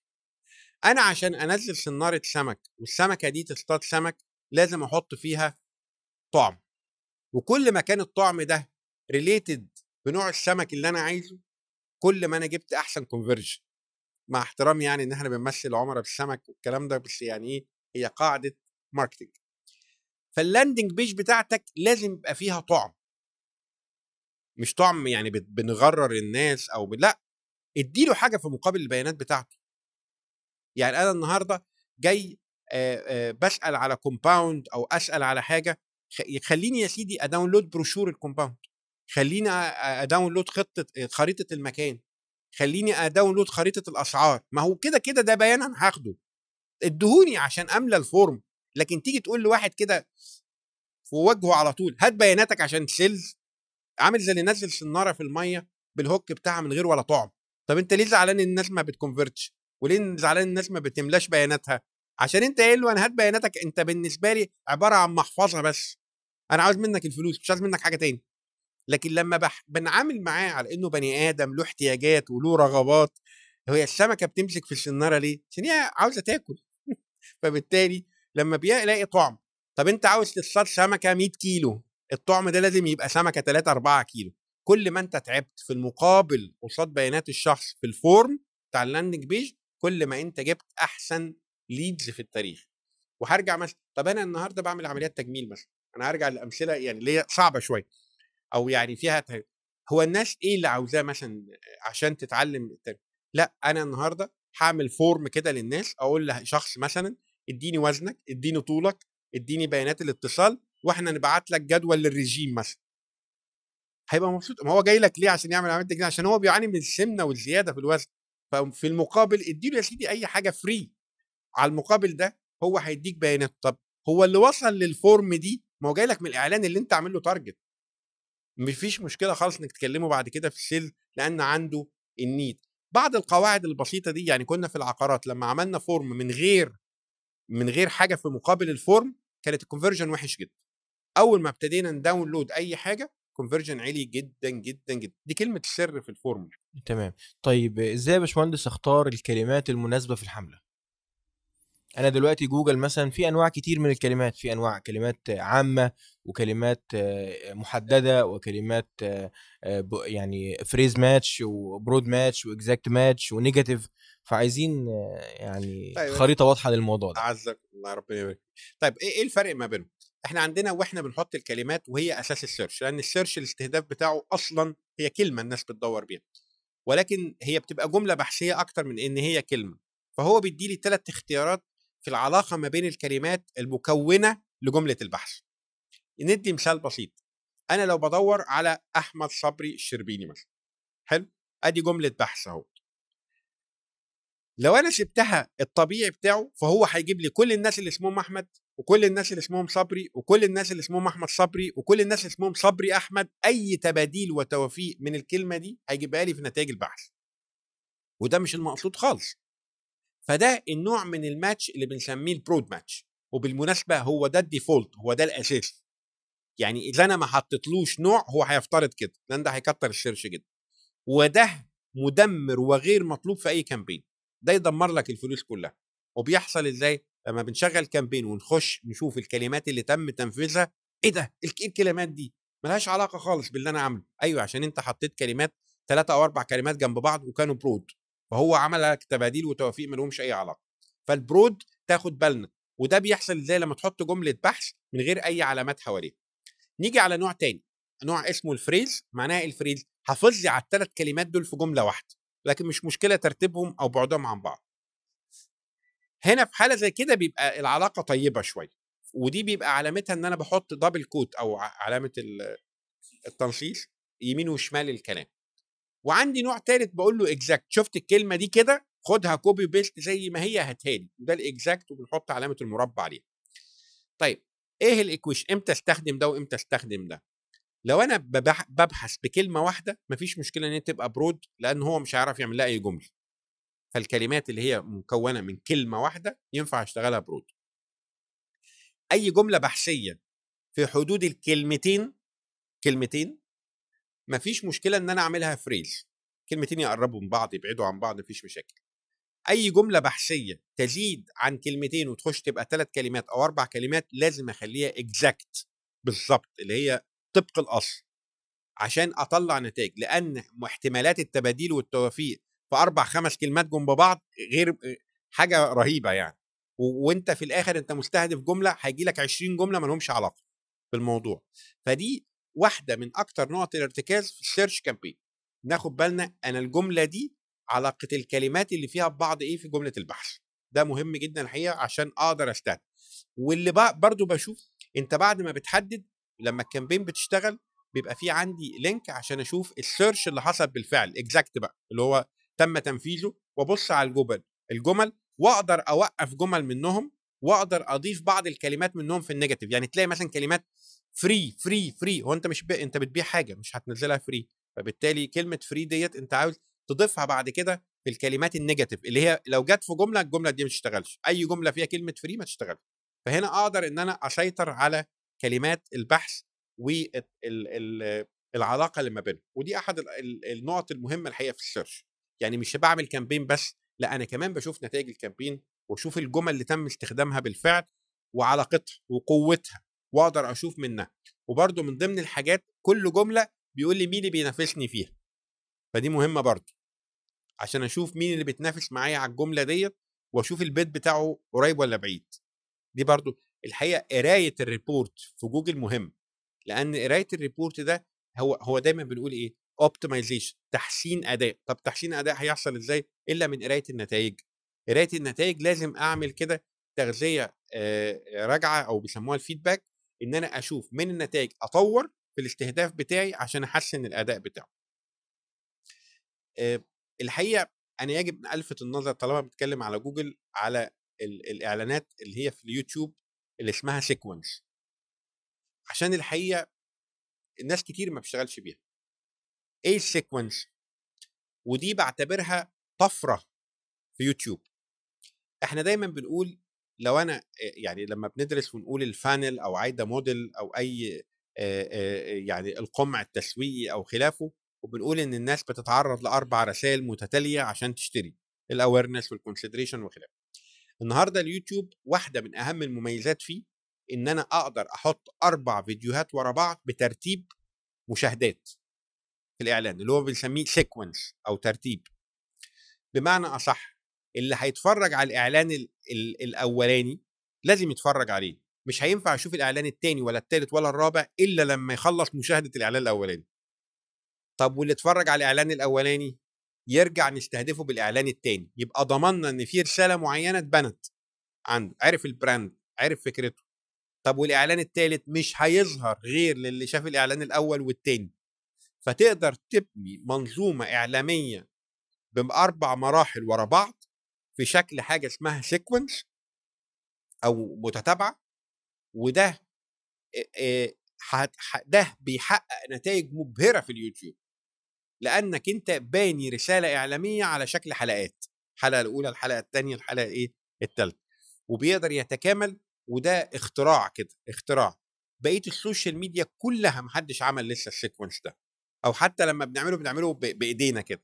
custom audience video اللي يشوف فيديو ونقعد نلعب بإيدينا. لكن هناك واضحة وصريحة إنك أنت بتقول فيديو 1 يليه فيديو 2 يليه فيديو 3 يليه فيديو 4 آه، فدي target دي دي حاجة من أحسن الحاجات اللي اتعملت في تاريخ يوتيوب الحقيقة ولكن الحقيقة ما بشوفهاش كتير في الاستهدافات الناس شغالة بيها فبندعو الناس ليها آه، كويس جدا جدا جدا.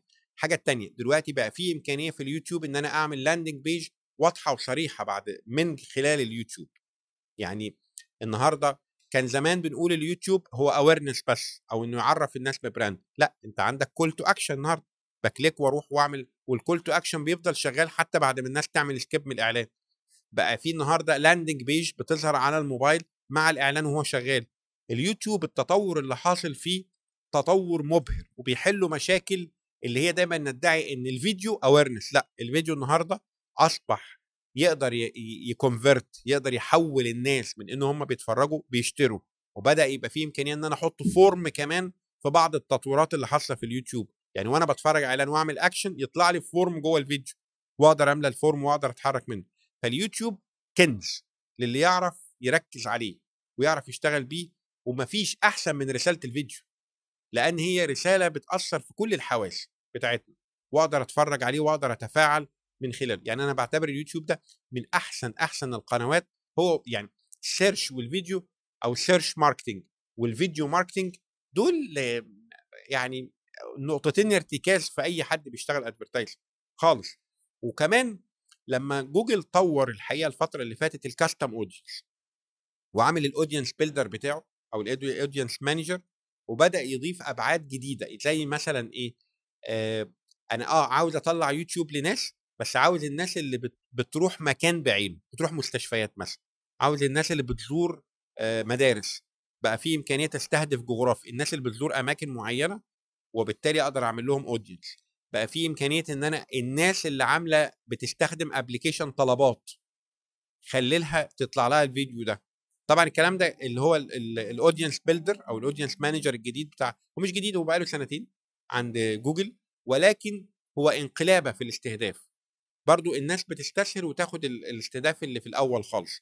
لكن ال- ال link أو الحتة بتاعة ال audience manager ده مهمة جدا جدا نشتغل عليه لأن هيعمل لي اللي هو بيسموه ال combined أو المتداخلة يعني آه، ده بيديني النهارده أبعاد في الاستهداف صعب حد يجيبها. يعني لما أجي أستهدف الناس أحط له اسم website وأقول له الناس اللي بتزور ال website ده أنا عاوزه أحط له mobile app وأقول له الناس اللي عاملة download وبتتفاعل مع ال app ده أنا عاوزه أبتدي أدي له locations مستشفيات مدارس marketing agency وأنا عاوز الناس اللي بتزور الأماكن دي أنا عايزها.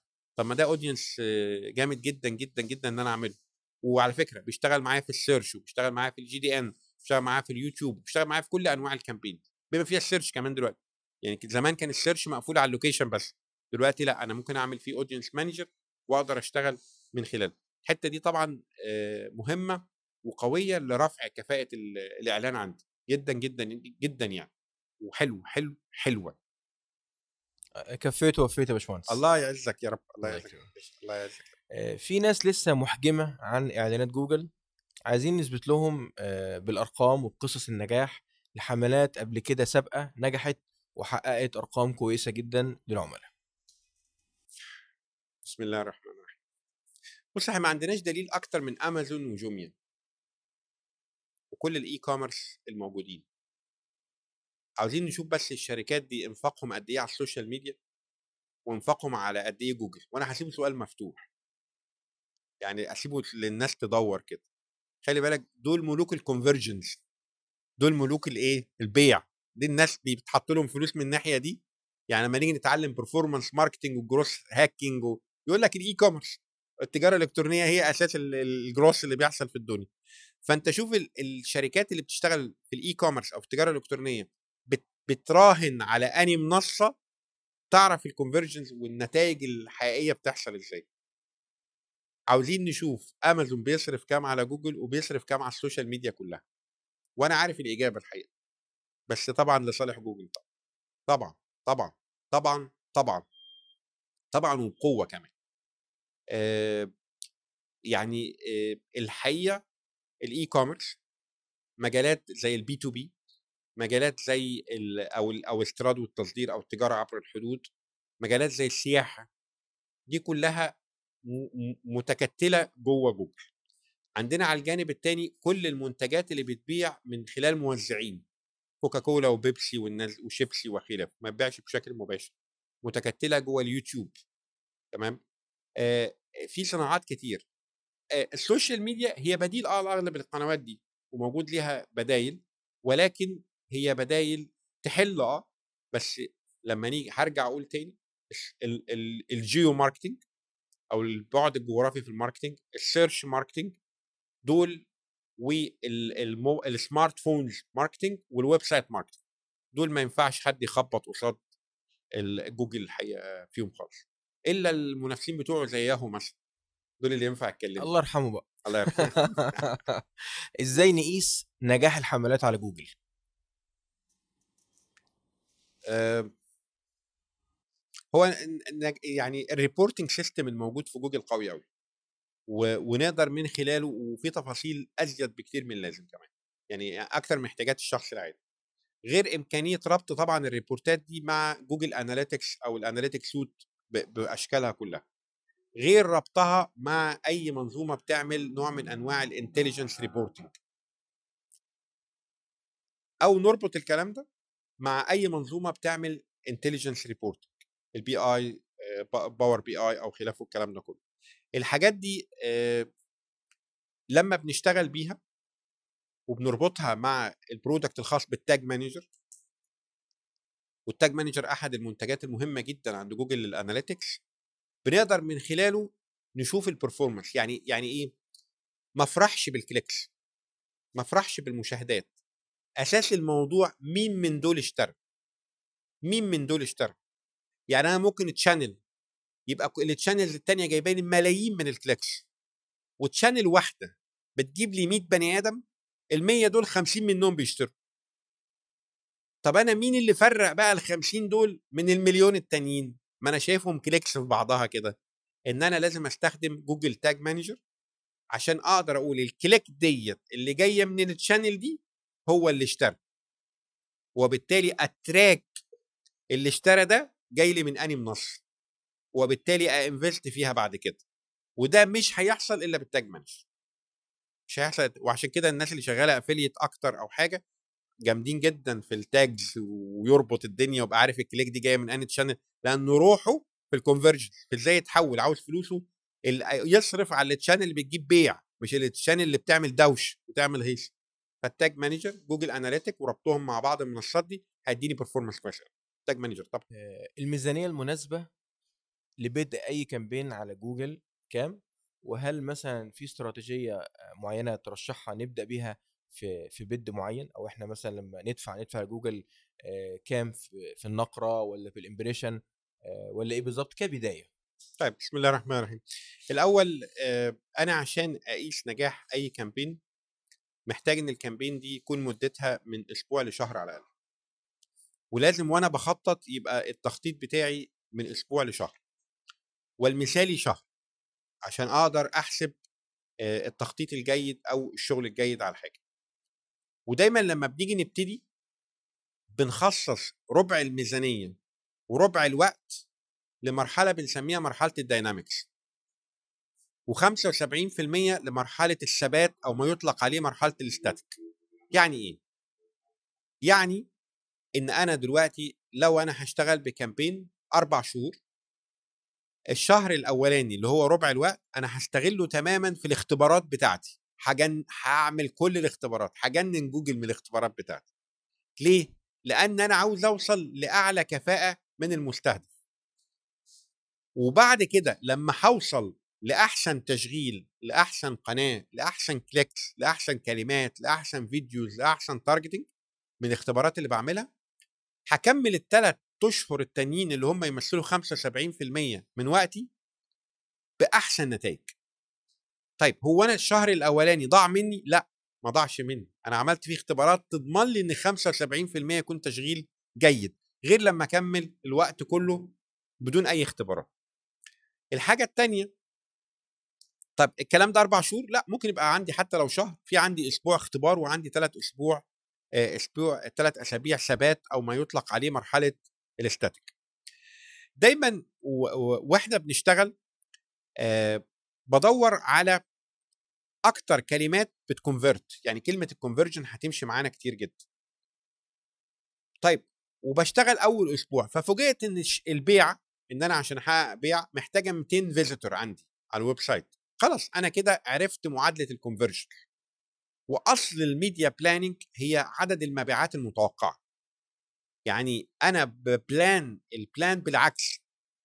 أنت عاوز كام بيع فيبقى أنت محتاج لكام visitor أنت هتعمل كام بيعه فأنت محتاج لكام مشاهدة فيديو.